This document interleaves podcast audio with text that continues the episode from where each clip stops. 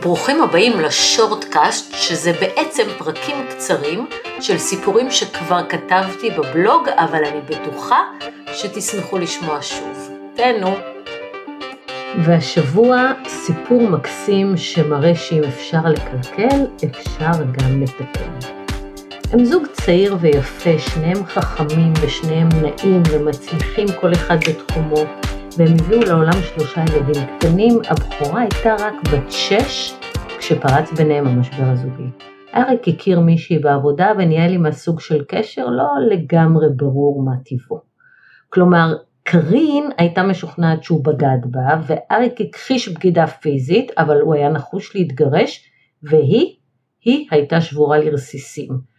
תוסיפו למשבר הזוגי הקשה הזה את העובדה שהוא התרחש בשיא תקופת הקורונה והסגרים ותקבלו צונאמי הרסני שהרס להם את המשפחה ובסופו אריק עזב את הבית לא לפני שקרין הקליטה אותו צועק שהוא לא בנוי לגדל ילדים.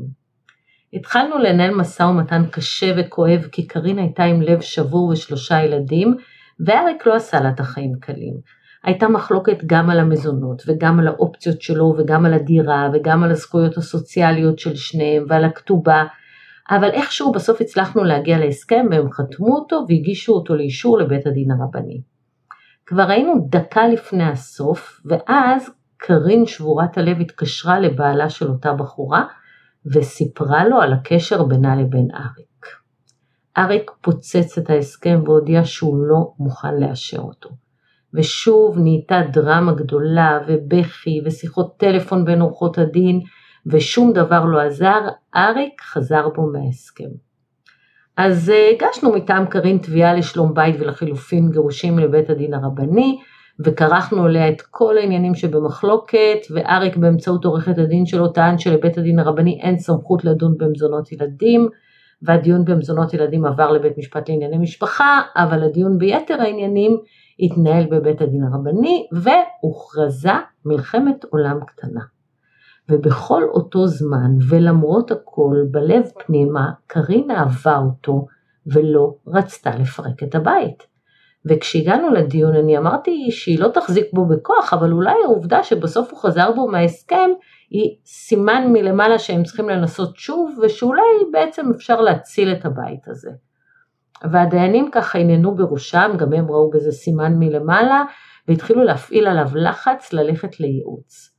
ובסוף הוא נאלץ להסכים, וגם עורכת, דין, עורכת הדין שלו הסבירה לו, ובצדק, שעדיף לו ללכת לייעוץ, ובדיון הבא לומר שזה לא עובד, ואז גם קרין תבין שאין מה לעשות וחייבים להתגרש, ותרד מהשלום בית הזה. הוכרזה לפיכך שביתת נשק, והם פנו לייעוץ זוגי. בהתחלה הוא הגיע בעל כורחו, קר וקפוא, והוא אמר שהוא לא מרגיש כלום. ואני הזהרתי אותה שתשמור על עצמה, והייתי בטוחה שהוא עושה הצגה בגלל בית הדין הרבני, והאמת, לא האמנתי שיצא מזה משהו. אבל איכשהו לאט לאט היועצת קילפה את השכבות שעטפו להם את הלב ושכנעה אותם שאם כבר מתחילים דייטים של פרק ב' שיצאו לדייט אחד עם השני. ואז קרין הביאה בייביסיטר והתלבשה יפה והתאפרה והתבשמה והם נפגשו בבר וישבו על בקבוק יין צרפתי אדום. בהתחלה זה היה מוזר ומביך אבל היין התיר את הכבלים והם התחילו לדבר ולצחוק ומדי פעם הוא ככה נגע בה כאילו בטעות.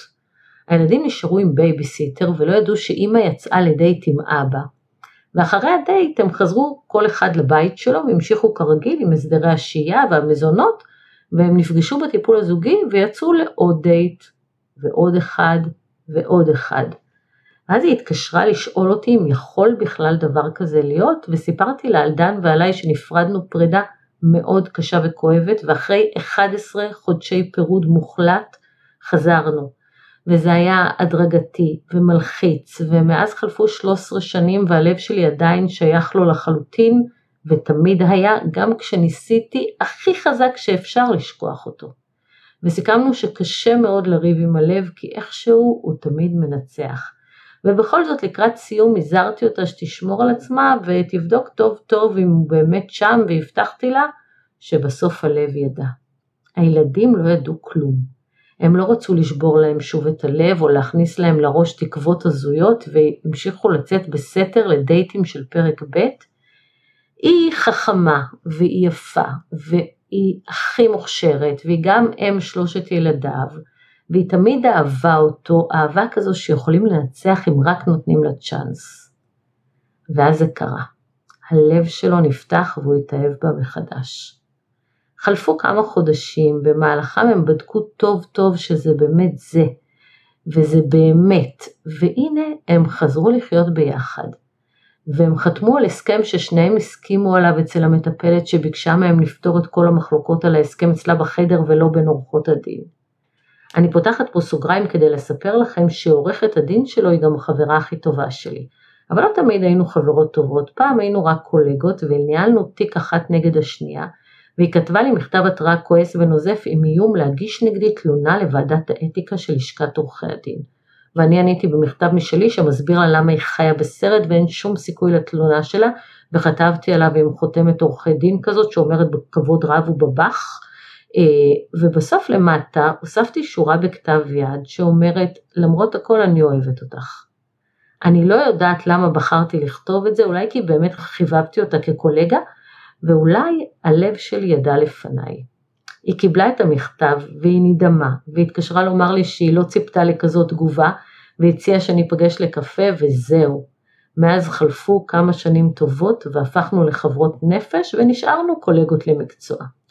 ואז דיברתי איתה עם אותה עורכת דין שלו שהיא כאמור גם החברה הכי טובה שלי ושתינו התרגשנו שזה באמת הצליח דווקא בתיק שלנו והיא אמרה לי אמרתי לך שהוא לא עושה הצגות והיא סיפרה לי שהוא באמת אוהב אותה והסכמנו שזה סיפור מדהים שמוכיח שיש עוד תקווה לאהבה.